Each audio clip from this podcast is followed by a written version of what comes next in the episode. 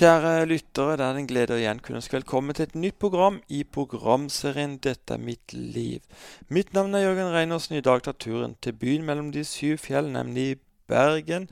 Her bor det nesten 300 000 innbyggere, og en av dem er dagens gjest, Ingrid Olsen.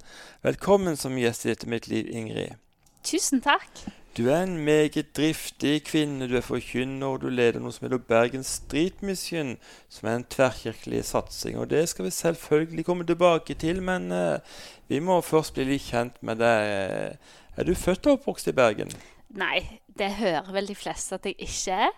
Men det, jeg er bergenser i hjertet, pleier jeg å si. Så jeg har bodd her i ca. 17 år. Uh, men jeg er egentlig fra Ålgård, som er ja, halvtimes tid ut Stavanger. Mm. Hvordan var barndommen din? Veldig mye bra. Jeg er jo vokst opp i en kristen familie. Så troen fikk jeg inn med morsmelka, pleier jeg si. Så det var alltid naturlig for meg å tro. Eh, jeg har flytta litt i min barndom. Min mor er prest, så jeg var liksom litt med på flyttelasset her og der. Eh, men med tanke på tro og sånn, så, så hadde jeg en barnetro men i tenåra så kan vi si jeg tok litt avstand uten å ta avstand. jeg, jeg eh, hadde ikke noen nær relasjon til Gud fra jeg var kanskje sånn 13 til ja, 15. Så var det vel Hadde jeg eh, ikke så mye kristent i mitt liv, da. Men, ut, men jeg hadde troen på Jesus. Men uh, da jeg var 15 år, så flytta vi tilbake til Ålgård, for da hadde jeg bodd på ei bygd i Sunnhordland i fire år. Flytta vi tilbake til Ålgård. Da kom jeg inn i et kristent miljø og fikk gode kristne venner. Og det, det gjorde noe med troen min òg. Den ble ganske grunnfesta. Og så som 16-åring òg, etter å ha bodd ett år der, så flytta familien til Bergen. Så fikk jeg et veldig sterkt møte med eh, Jesus her i Bergen, som forandra meg som gjorde at plutselig at jeg, alt det jeg hadde trodd, plutselig ble mye mer levende for meg. Den opplevelsen av at Gud var litt fjern, forsvant. Plutselig skjønte jeg at Gud ønsket å kommunisere med meg og snakke med meg. kan, du, kan, du, fortelle konkret hva som skjedde på det møtet? Ja, jeg var på et møte i en menighet, den menigheten som jeg går i nå. Og etter gudstjenesten så var det noen som gikk fram i mikrofonen og spurte er det noen her som ønsker å Da brukte de ordet vel 'bli døpt i Den hellige ånd'. Jeg tenkte, jeg skjønte ikke helt hva de mente. Men så hadde jeg hørt om noe i Bibelen som het tungetall, og så tenkte jeg hm, det har jeg lyst på. Så jeg gikk fram og så sa det, så sa de ja, vi kan be for deg. Så ba de for meg, og det var en veldig eh, hyggelig opplevelse. Men jeg opplevde jo ikke at det skjedde noe konkret, så jeg ble egentlig veldig skuffa. Men så eh, oppmuntra de meg etterpå og sa at eh, det står i Bibelen at Gud vil gi Den hellige ånd til de som ber om det. Det er et løfte, og at jeg, jeg måtte ikke stresse med noe, men bare bruke tid med Gud hjemme og Ja.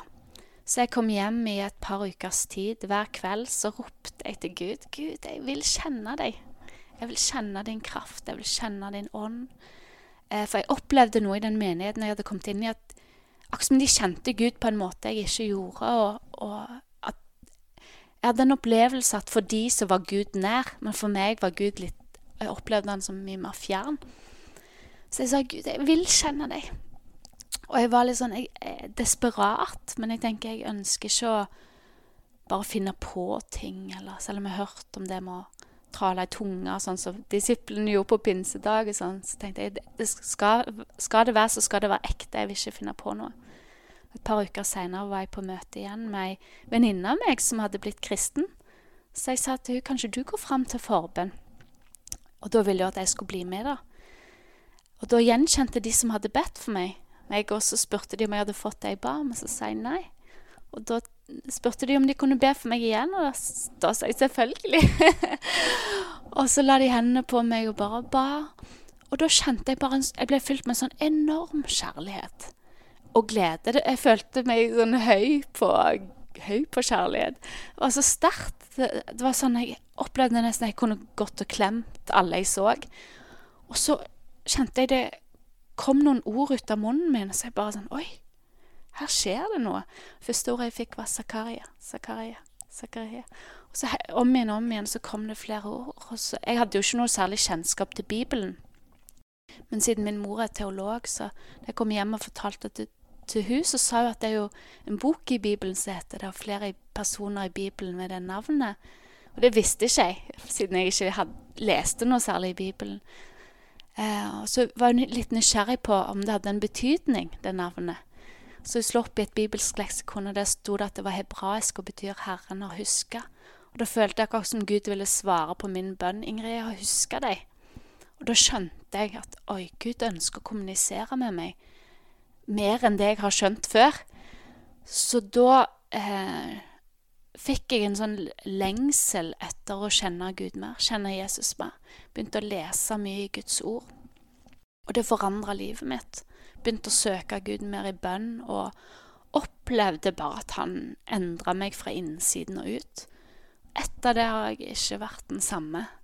Det ble til liv. Alt jeg hadde hørt opp gjennom barndommen. jeg. Plutselig Det var akkurat som jeg hadde gått i halvblinde.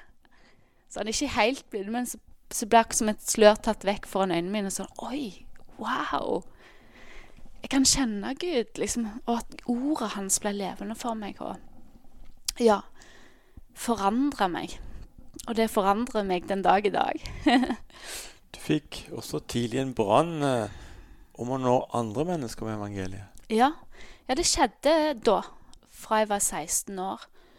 Og da tenkte jeg altså åh, den kjærligheten jeg opplevde, var så sterk.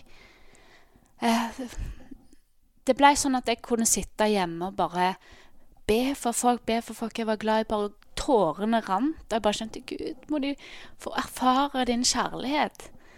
For jeg opplevde Guds kjærlighet så enormt sterkt i livet mitt at jeg, jeg tenker jeg, jeg, vil ikke holde dette for meg sjøl. Jeg vil at så mange som mulig skal få lov til å erfare denne gode guden som jeg kjenner, som er full av nåde og full av kjærlighet til oss. Um, så ja, fra jeg var 16 år, så begynte jeg å dele mer troen min med andre. da. Troen på Jesus. Og, og, og ble mye mer frimodig med å be for syke. Så jeg opplevde jo òg liksom, helbredelser og Ja, det ble levende for meg, rett og slett. Bibel og bønn ble også viktig for deg? Mm, det gjorde det. Det er det i dag òg. Eh, og det med ordet Jeg har hatt veldig mye eh, hva skal jeg kalle, Jeg eh, kan bruke ordet løgntaker, eller negative tanker om meg sjøl, da. Uh, Slete med en del frykt og dårlig selvbilde, kanskje. Jeg tenkte at åh, av og til kunne tanken på framtiden eh, bli veldig tung for meg. For jeg skjønte ikke hvordan jeg skulle takle livet. For jeg følte at det, ja, hvordan skulle jeg jeg hadde tanker om at hvordan skal jeg noen gang klare å mestre og fungere i en jobb, liksom. Og jeg har jo, har jo e, en god del evner, altså aldri slitt på skolen eller noe sånt, men jeg hadde så mange tunge tanker, og sleit litt med tanke på framtid og Og òg mye forskjellig type frykt i livet mitt. Og der opplevde jeg at jo mer jeg ble kjent med Bibelen og det som sto der, jo mer opplevde jeg at oi, dette sams, det som står i Guds ord, samsvarer ikke Guds tanker om meg samsvarer ikke med mine tanker. Så det jeg følte, var jo Det føltes veldig reelt, men jeg skjønte at det var ikke sannheten om mitt liv. Så jeg opplevde jo da at jeg måtte justere på tankene mine. Jeg kan tenke ja, dette er en reell følelse, men det er ikke sannhet. Og så eh, var jeg i en prosess av å bli mer og mer fri fra ting som holdt meg tilbake. Og begynte å, møte frykten min, da. Ulike ting jeg var redd for. Som jeg bare tenkte ok, hvis jeg skal bli fri dette her, så må jeg gjøre det motsatte av det jeg føler. Eh, og ja, det har jo satt meg fri. Eh, sannheten som jeg opplever i Guds ordet, har virkelig satt meg fri. De tankene var ganske så dominerende, for du hadde av og til så tøft at det, du tenkte det var bedre om Gud tok deg hjem? Ja, noen Det var ikke sånn at det var sånn konstant. Men jeg kunne kjenne på tunge tanker av til at det ble sånn at åh, det hadde vært bedre om jeg ikke eksisterte. Jeg har ikke aldri vært suicidal eller sånn, men når jeg fikk de tunge tankene, så var det sånn åh, jeg skulle ønske jeg ikke fantes. Eh, og det er tøft å kjenne på det. Og ja, det, det kunne virke så overveldende. Men der òg måtte jeg eh, gå til sannheten. Og det står jo i Leste det i dag. står i andre Timotees brev 1,7 Gud gir ikke en ånd som gjør motløs, men en ånd som gir kraft, kjærlighet og visdom. Og For meg ble det sånn, jeg kjente på sånn enorm motløshet. Så leste jeg dette i Guds ord og tenkte OK, den motløsheten som jeg føler tar overhånd, det er ikke fra Gud. For Guds ånd gir ikke sånne tanker. Og da måtte jeg liksom minne meg om Guds, eh, hva Gud sier, og hva hans tanker er. Det står jo at han vil gi framtid og håp. Sant? Og han gir fredstanker og ikke tanker til ulykke. Og alt dette her er sånn åh, måtte bare fylle meg med det på ny og på ny. Jeg var òg mye bekymra før. Kunne bekymre meg for alt mulig. Så husker jeg en gang, da var jeg vel 16 år, og jeg pleide å gå på ungdomsmøter. Og da var det en eh, tenåring da, som hver gang vi samles, så hadde en type andakt. Og sånn delestund så sa han 'Jeg må bare dele dette verset her'.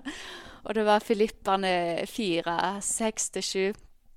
Vær ikke bekymret for noe, men la alt som ligger der på hjertet, komme fram for Gud i påkallelse og bønn med takk. Så skal Guds fred, som overgår all forstand, bevare deres hjerter og tanker i Kristus Jesus. Og det sa han hele tida, så vi ble liksom mata med det bibelverset. Så det som skjedde med meg da, var at når jeg begynte å få bekymringstanker, så dukka det verset opp i hodet mitt. liksom, Oi, ja. Gud sier jo jeg skal ikke være bekymra, men jeg skal snakke med han om det. Og så skal han erstatte bekymringen med fred. Og det er jo selvfølgelig en prosess med å klare å overgi alt det som man tenker på, alle bekymringer til Gud. Men det hjalp meg. Så Bibelen er veldig viktig for meg. Og det å eh, fylle meg med den, og sannheten som den gir meg, er frigjørende. Mm. Det er jo kanskje en del av lytterne som, som kjenner på mye det samme som du har vært inne på her. De har kanskje eh, et lavt selvbilde, en del av de er kanskje motløse. Har du noen ord til dem? Jeg tenker Gud har skapt deg som lytter. Han har skapt deg med en hensikt og en plan. Jeg tror jo at vi Gud tenkte på deg før du ble født, og at hans tanker for deg er fylt med fred. Og han ønsker å gi hver og en av oss fred. Og det er noe som mange ikke har. Men jeg har fått erfare at det er ingenting som kan gi meg den freden som jeg har fått i Jesus, da. For det er en fred som er så nesten ubeskrivelig. Overnaturlig fred. Og jeg vil bare oppmuntre hver enkelt til å søke Gud. Begynn å snakke med han når du er aleine. Og sånn som meg, det er jo ikke alltid jeg har følt at Gud hører meg, men jeg har fått erfart at han gjør det. Og til og med han vet hva vi tenker. Han vet hvordan vi har det. Han kjenner oss bedre enn det vi kjenner oss sjøl. Så man kan eh, øse ut alt for han, både frustrasjon og glede. Han tåler det. Men han ønsker jo at vi skal komme som vi er. Så møter han oss akkurat der vi er. Vi trenger ikke å ta oss sammen eller prøve å være gode nok, men Gud er full av nåde. Sånn ufortjent kjærlighet. Og så forandrer han oss innifra. Og hans kjærlighet er bare grensesprengende. Han kan forandre ethvert menneske. Og det har vi Jeg har hørt mange Jeg har fått erfare sjøl han har forandra mitt liv, og har hørt mange vitnesbyrd om mennesker som har vært helt knust og nede, og livet har virka mørkt. Som om det ikke er noe håp, ikke noe lys i enden av tunnelen. Men jeg vil bare si, om du føler det sånn, så vil jeg si til deg at det er lys. Det er håp. Det er framtid. og Gud har plan gode planer for deg.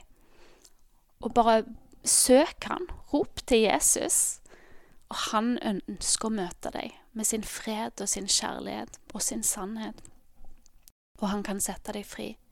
Kanskje du er i en situasjon som virker umulig. Jeg har mange ganger fått erfare at ting som virker umulig, har blitt mulig med Gud. For han er undernes Gud også i dag. Ikke bare kan vi lese om det i Bibelen, men han gjør under. Kan gjøre under i ditt liv. Veldig bra. Kjære lytter, du hører på programserien 'Dette er mitt liv'. I dag besøker jeg Ingrid Olsen i hennes hjem i eh, Bergen. Og her er det litt oppussingsobjekter og sånn på under her, tror jeg. Så det er litt banking og sånn, så det får du holde ut med, kjære lytter. Men Ingrid, nå eh, skal vi eh, høre litt, for du hadde jo dårlig selvtillit, lavt selvbilde, men du fikk en fantastisk god utdannelse. Ja, og det er jo òg et mirakel eh, for meg. for sant, jeg, jeg, sleit jo med troen på meg sjøl, at jeg skulle kunne få ting til. Eh, så jeg tenkte jo at det å ta utdannelse kom til å bli vanskelig for meg. Eh, så jeg kvidde meg veldig til å begynne å studere. Og hadde egentlig ikke så mye motivasjon. Jeg ville helst bare fortelle folk om Jesus. tenkte jeg Det hadde vært greit å slippe å studere. Men så begynte jeg nå først på lærerskolen. Og jeg tror faktisk etter første dag så da jeg kom hjem, at jeg gråt. For de hadde sagt at ja, så er det mange her som nok kommer til å stryke og ikke få dette til. Og da tenkte jeg ja, det er sikkert meg. så jeg kom hjem og var veldig lei meg. Og heldigvis har jeg en god mor som oppmuntrer meg mye, og dette kommer til å gå bra. Og jeg fullførte jo lærerutdannelsen. og allmennlærer jeg utdanna. Og så tok jeg òg bachelor i interkulturell forståelse. Jeg syns det er veldig kjekt med ulike kulturer, og eh, jeg elsker å reise. Så det var spennende å studere det. Eh, men jeg stoppet ikke der. Så fra å tenke at jeg aldri kom til å få til å studere, så endte jeg opp med å ta en master. Så jeg tok en master i pedagogisk ledelse med vekt på konflikthåndtering. Så det òg var veldig spennende. Så jeg har fått lært mye. Og nå jobber jeg da som lærer på barneskolen. Og det trives du med? Jeg trives. En, jeg har en veldig god arbeidsplass. Fantastiske kollegaer. Jobben kan jo være ganske krevende, eh, men det er givende. Det er meningsfullt å kunne bety noe i, inn i menneskers liv. Mm, men det er mye hardt arbeid. Det er det. Du har også litt annen yrkeserfaring? Ja, jeg har jobba på sykehjem. Altså, jeg jobba i hjemmesykepleien. Så jeg jobber på 7-Eleven. Og på bakeri. Nei, ja, kafébakeri. Um, og som jeg tenker Gjort, så jobber på SFO. Ja, sikkert gjort mer. Akkurat nå kommer jeg ikke på det. Men jeg har gjort mye, veldig mye forskjellig. Og det, sant? Mange av de tingene jeg kvidde meg for Jeg hadde jo sånn tanke om at da jeg var yngre, da, for jeg begynte å jobbe da jeg var 18 Jeg tenkte at jeg aldri kunne, kom til å klare en jobb med et kasseapparat. Og det var sånn jeg tenkte det er for vanskelig. Og da gikk jeg og søkte jobb på 7-Eleven. Og da var det sånn 100 søkere eller noe. Og så fikk jeg jobben, og da var det sånn OK, Gud. og jeg mestra jo det. Så jeg, fikk, jeg visste jo at jeg måtte bare møte frykten min. Så jobbet jeg der en liten periode. Og så hadde jeg òg en tanke om at nei, jeg kunne aldri jobbe med eldre. For tenk å skulle vaske de og alle disse her luktene og sånn. Jeg kom sikkert til å spy og ikke klare en sånn jobb. Men så bodde jeg jo i nærheten av et eldresenter og trengte, trengte jobb. Så jeg gikk og leverte søknad, og så fikk jeg jobb der òg. Og da måtte jeg jo bare møte frykten min, og jeg har aldri spydd. Det har gått veldig bra og var kjempelærerikt. å jobbe der òg. Så, så, det har jo gjort at jeg har eh, Ja, jeg føler jeg har seira over en del av de tingene som har vært vanskelig for meg. Så tenker jeg også på når du har vært i ditt forskjellige yrker og sånt, og du var jo opptatt av å nå mennesker med evangeliet. Mm. Eh, fikk du erfare det? Ja, eh, spesielt i hjemmesykepleien. da gikk man jo rundt i, til, i hjemmene til folk. Og da fikk jeg så mange gode samtaler. Og fått bedt for mange, og til og med fått lede folk til Jesus der. Og ja, det, det er veldig givende. Jeg tror uansett hvor man er, om man er student eller i jobb eller på skole, eller sånt, at eh, Jesus er med en. Sant? Og han ønsker at mennesker skal få erfare hans kjærlighet. Og jeg tenker, jeg ber en bønn, Gud, bruk meg. La meg få være til oppmuntring for noen. La meg få dele din kjærlighet. Jeg har en sånn bønn i hjertet mitt om at det, eh, må Gud må vise meg veier inn til menneskers hjerte. Og det er for å erfare ja, i, i ulike typer jobber, og, og som student. Sant? At det, ja. Kan du gi noen konkrete eksempler? Ja. Eh, som student husker jeg var en periode der jeg skulle jeg skulle lese til eksamen, og da skulle jeg lese sammen med to andre som jeg studerte med. Ingen av de var troende. Og så tenkte jeg nå skal jeg bruke så mye Jeg tror det var et par, én til to uker vi skulle bruke å lese sammen hver dag. Så jeg bare ba Gud mye. Så åh, la meg Jeg har så lyst til å fortelle om deg, selv om vi må jobbe nå. Så, de visste jo veldig godt hva jeg sto for og trodde på. Så var det en dag vi kom inn på det med tro, og de begynte å stille meg mange spørsmål. og det ble, endte med at hun ene ble så rørt at hun begynte å grine. sant? Og, og fikk dele masse om Jesus. Og, og så den ene sa kommer ateist, Tror du ateister kommer til himmelen? Og da snakket han om seg sjøl og sa men tror ateister på himmelen, da? så ble han litt sånn satt ut. De var veldig åpne. Og annen gang opplevde jeg jeg bod, studerte jo litt i Bolivia òg. Og da var vi fire studenter som dro til Bolivia, og to av oss var kristne. Jeg bodde på rom med eh, tre andre. Og ba veldig mye for de to som ikke var troende. Og etter noen uker så endte hun ene opp med å For jeg kom jo inn i en menighet der nede. Og hun ble med i menigheten og endte opp med å bli kristen. Og ville følge Jesus og fikk liksom veldig sterkt møte med Gud. Og hun andre Jeg, hadde så lyst til å dele mer med hun òg. Og, og, noen andre som bodde på det huset vi bodde på. Og, og da opplevde jeg at jeg ba Gud jeg vil, jeg vil, men jeg får det ikke til. liksom. Hjelp meg til å nå inn til hjertene deres. Og da husker jeg en dag jeg satt på kjøkkenet, og så eh, kom hun inn, og så sier hun Det er så rart, Ingrid, du snakker mye søvne. Og noen ganger er det som om du snakker et helt annet språk. Og da tenkte jeg ja, jeg har hørt før at folk har sagt at jeg, av og til ber jeg i søvne og snakker i tung, taler i tunga. Og så fikk jeg bare en åpning med å dele evangeliet med henne, og dele om ja, Den hellige ånd og, og da gikk hun og henta de andre på huset òg som ikke var kristne. Så de bare sto og lytta til det jeg hadde å dele om Jesus. Det Var kjempeåpne. Det, det skjedde ikke noe med de der da, men jeg fikk sådd noe. Og opplevd mange sånne ting opp igjennom. Der folk har fått en berøring av Jesus. Så nydelig. Mm. Du leder i dag noe som heter Bergen Street Mission. Hva er det? Ja, eh, jeg tror det er 2015. Så Nei, 2014 kom jeg vel hjem fra Mosambik i Afrika. Jeg, gikk på en misjonsskole der. Og kjente bare at eh, Å, jeg hadde sett så mye sterkt der nede i Mosambik. Og komme tilbake til Norge, det var litt utfordrende for meg òg. Og, og, bare um, kjente at jeg, jeg, ville ha noe mer.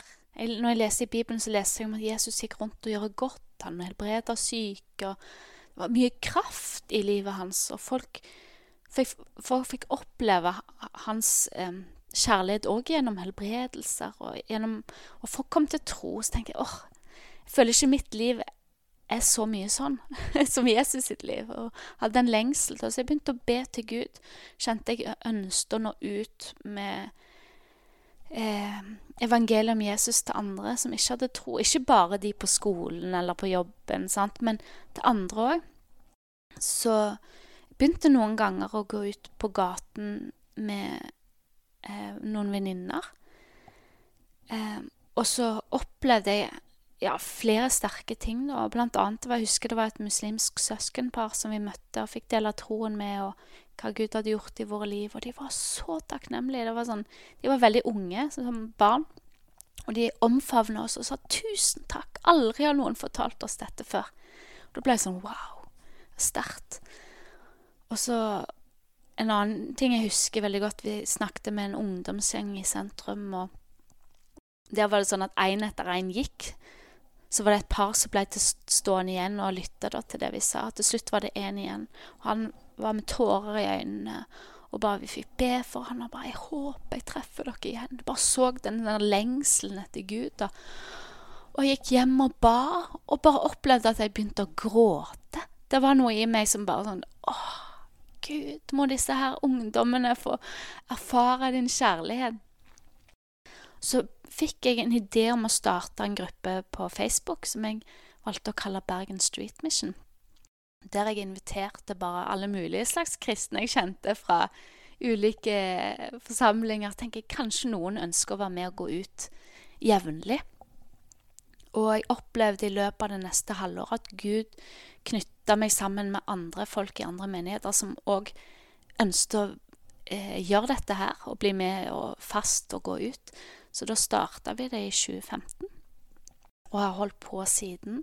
Og det har bare utvida seg, det arbeidet, og blitt større og større. Og ja, vi har delt ut eh, tusenvis av Nye testamenter, fått bedt for massevis av folk, og sett folk bli helbreda, og flere, flere ta imot Jesus. og og det er mange vennskap som har blitt danna på kryss og tvers av forsamlinger. Det syns jeg òg er kjekt. Det er jo helt fantastisk arbeid. Eh, du nevnte jo litt hvordan dere møter folk på gata, men blir folk overraska når de ser eh, hvordan dere prøver å nå dem, da? Ja, no, vi får veldig mange spørsmål. Hvem er dere? Hvor kommer dere fra? Så, nei, vi er kristne, sier vi. Ja, men hva slags kristne? Eller hvilken menighet? Altså, nei, vi er kristne fra forskjellige menigheter. og vi er glad i Jesus, sant? Og folk klør seg litt i hodet. bare så, ja, ja, men hva menigheter er derfra, da? Så kan vi ramse opp mange forskjellige forsamlinger, da. Og, det gjør et sterkt inntrykk på folk. Og merker at mange liker det. Syns det er kjekt. Og ja, vi, vi, opplever jo at mennesker blir stående i timevis med oss òg mange og mange kommer igjen om fra gang til gang, for vi er jo ute hver uke. Og vi ble jo kjent med folk etter hvert. Så vi er på hei med mange i byen. det er programsendet til Mitt liv du hører på. Det er Ingrid Olsen fra Bergen som er dagens gjest. Og Ingrid, du eh, driver noe som heter Bergen Street Mission. Du må fortelle hva skjer på gata. Det skjer veldig mye bra. Kanskje jeg skal dele noen historier som har gjort veldig inntrykk for meg. Og vi opplever jo mye forskjellig. Og en gang så var meg og ei venninne ute og pratet med folk, og, og, sånn så kom vi i prat med en gjeng med unge gutter som var litt tøffe og sånn. Og av og til spør jeg jo folk ja, er det noen av dere som er syke, eller har noe plage, eller noe som dere ønsker liksom at Jesus skal helbrede dere fra sånn. Og så var det en av guttene som sa Jeg stammer. Tror kan Jesus fikse det? Eller gjøre noe med det? Så sa jeg ja, det kan han. Så vi fikk bedt for han da. Opplevde ikke noe der og da, men fikk òg delt om Jesus til de, og de var noe positive og sånn. Så tenkte jeg ikke noe mer på det. Men kanskje et halvt år seinere, eller et år seinere, det var en god stund etter, ja, så står jeg en lørdagskveld på gaten, og så kommer det en fyr mot meg, og vi deler jo ut kaffejern og boller og sånn. Så kommer han mot meg, og så tenker jeg det er noe kjent med han der. Men jeg treffer jo så mange mennesker at jeg husker jo ikke alle igjen. Så, men jeg sa til han det er noe kjent med deg. Og så ser han på meg. Du, var det du som snakket med meg om Jesus? Så ja, du og ei venninne. Ja, sa jeg, det kan nok stemme. Ja, husker du meg, jeg stammer, sa han. Ja, ja, nå husker jeg det, sa jeg. Ja, for jeg stammer ikke lenger. og jeg gikk hver dag i to uker og lette etter dere på gaten, for jeg ville takke dere For nå stammer jeg ikke lenger. Så jeg, men du må takke Jesus. Og han tok imot et Nytestamentet, da. Han òg hadde muslimsk bakgrunn. Men det var så kjekt. fordi jeg tror det er mange sånne ting som vi aldri får høre om òg. At det, sånn, det, er ikke alltid man ser ting der og da, men så kan Gud gjøre ting i etter, ettertid. Så det var veldig oppmuntrende, da. Så han fikk iallfall noe å tenke på. Jeg har flere sånne opplevelser der jeg har bedt for folk, og så har det ikke skjedd noe der og da. Det var noen andre En som gikk med krykker, husker jeg, og vi kom i prat med Det var ungdommer, det òg. Kom i prat med dem. Og spurte om vi kunne be for han. Ja da, det gikk jo fint. Men han merka ikke noe forskjell. Tenkte ja ja, vi har iallfall bedt, det skader ikke. Eh, men det som var så spennende, at noen visste hvem han var. Og litt etterpå så eh, det, hadde han vitna, for han var konfirmant, han her gutten. Vitna for andre konfirmanter, for han våkna dagen etterpå. Smertene var borte, han trengte ikke krykkene mer. Og da hadde han fortalt liksom, ja, det var noen kristne som ba for meg på gaten. For dette hadde ryktet hadde spredd seg via via. Så det òg ble litt kjekt å få den tilbakemeldingen da, at ja, han opplevde Guds kraft. Um, og, og, så har vi helt andre møter med mennesker. Husker jeg en gang det kom ei ung kvinne bort til meg, og jeg bare opplevde at hun virka veldig sånn tungt til sinns, og jeg kjente et sånn mørke over henne. Um, spurte om jeg kunne be for det, fikk jeg lov til. Og mens jeg ber, så bare kjenner jeg jeg skal si du skal, du skal leve. Du skal leve. Eh, du skal ikke dø, du skal leve, liksom. Og jeg, har aldri Og jeg sa det om igjen om igjen. Du skal leve. Du skal leve. Jeg har aldri opplevd meg leda til å si noe sånt. Men jeg kjente det så sterkt. Og etterpå sa hun at hun hadde vært inn og ut av psykiatrisk eh, sykehus og hadde det veldig tøft. da. Eh, og kjente en sånn Jeg sa ikke det til hun, da, men det er nesten sånn dødens ånd over hun. Eh, og hun sa jo òg at hun hadde prøvd å tatt livet sitt mange ganger. Um, og så tror jeg et år seinere så kommer det en ung kvinne mot meg på gaten som smiler og Og 'Husker du meg?' sier hun. Jeg, jeg kjente jo ikke igjen. Og så begynte hun å fortelle om ja, hva jeg hadde sagt og sånn og sånn. Sa jeg jo, nå husker jeg det, men hun var så annerledes. Og så sier hun hadde prøvd å tatt livet sitt etter det, og så hadde hun hunget fra ei bro. For noen hadde klart å ta hånda hennes mens hun hang der på broen. Hun hadde prøvd å hoppe, men så hadde noen grepet tak i henne og holdt henne. Og mens hun, hun hang der, så hadde det kommet til henne det jeg sa, du skal leve, du skal ikke dø, du skal leve, du skal ikke dø. Og tenk på det som står at du skal proklamere Guds gjerninger. Så da bare fikk hun tro til å holde fast. da. Hun ble redda. Og øh, ville følge Jesus etter det hadde begynt i menighet. Og så jeg har også lyst til å dele Jesus med andre. Og det var veldig sterkt for meg. Um, og bare det hvordan Gud etterjager mennesker. Hun sa at det er flere som har vært med og bedt for meg. og ja, det, det er sånne historier som man gjør inntrykk, da.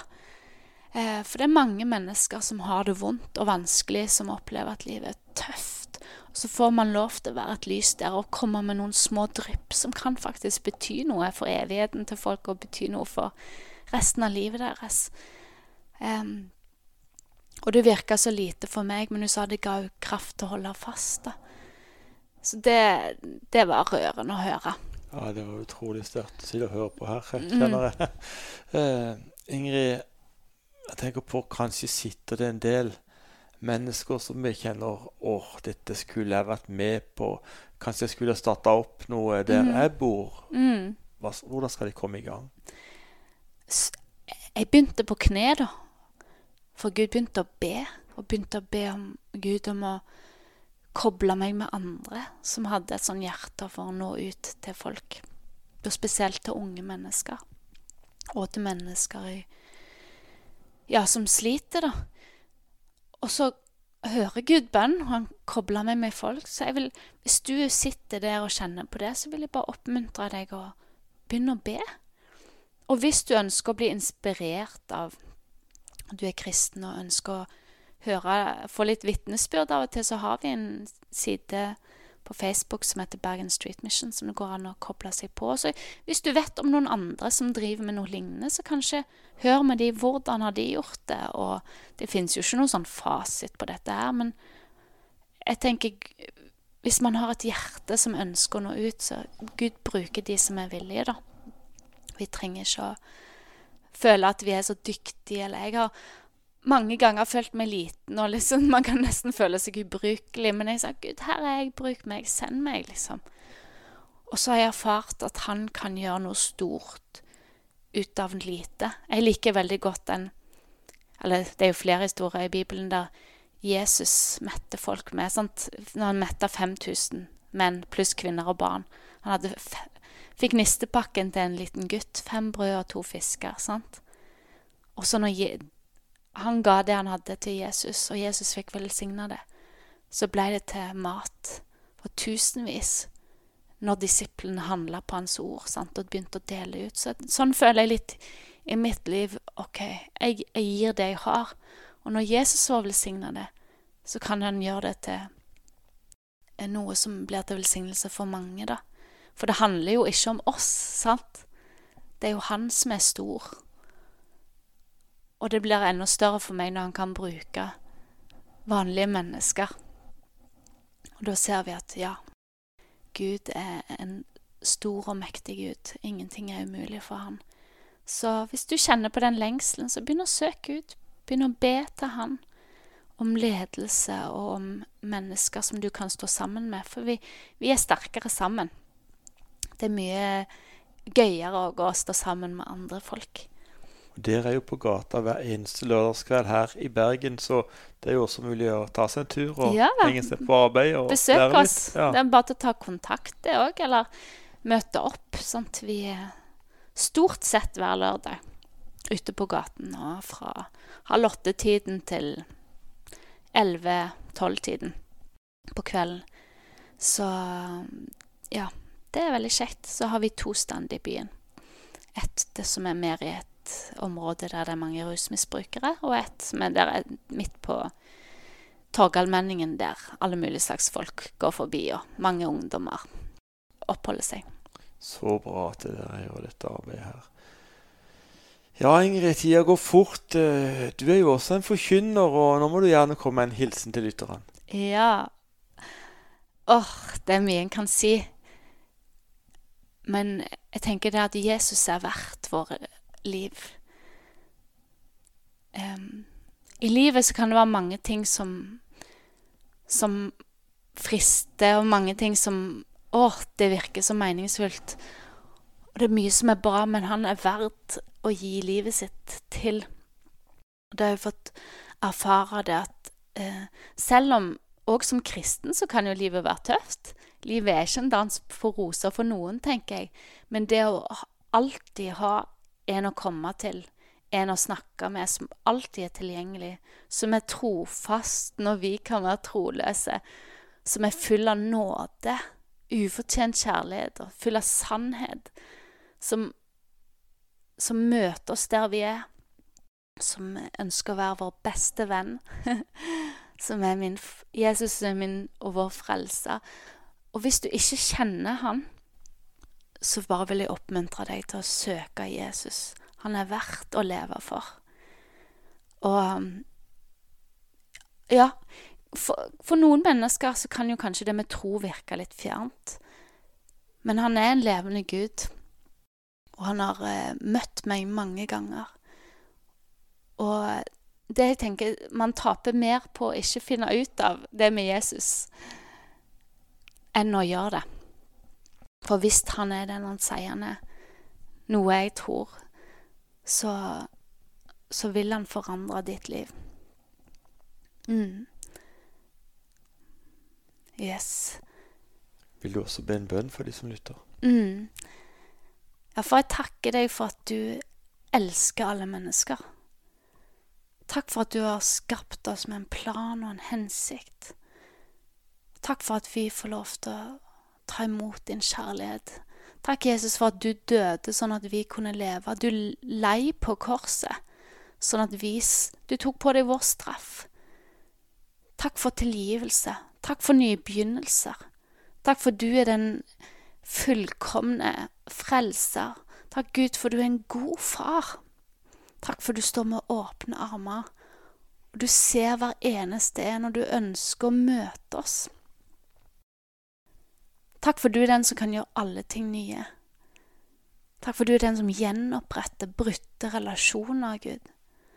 Og bare ber for hver enkelt som lytter nå. Jeg ber om at du skal møte dem med din kjærlighet med din sannhet. At de skal få kjenne det at du er ikke en Gud som er langt borte, men du er en Gud som er nær. Og du er en Gud som har omsorg. Jeg vil òg bare be for alle som sliter med sykdom. Bare proklamere legedom i Jesu navn. Bare ber, far. Jeg vet at det er vanskelig å lide og ha det vondt. Jeg ber om at du skal møte den enkelte. Om det er indre smerte, eller om det er fysisk smerte, Herre. Kom og møt den enkelte. Og de som kjenner på tunge tanker, eller at livet virker håpløst, kom med lys, kom med håp, kom med varme, Herre. Takk for du er nær til de som har et søndagknust hjerte. Mm, du vet hva det er, vil si å ha det vondt, Jesus, hva det vil si å lide. Takker deg for du forstår oss, du forstår hver enkelt en. Og jeg ber, Herre Far, om at du skal komme med din hjelp til alle sammen nå, og med ditt nærvær og din fred. Fred i hjerter, fred i tanker. I Jesu navn. Amen. Amen.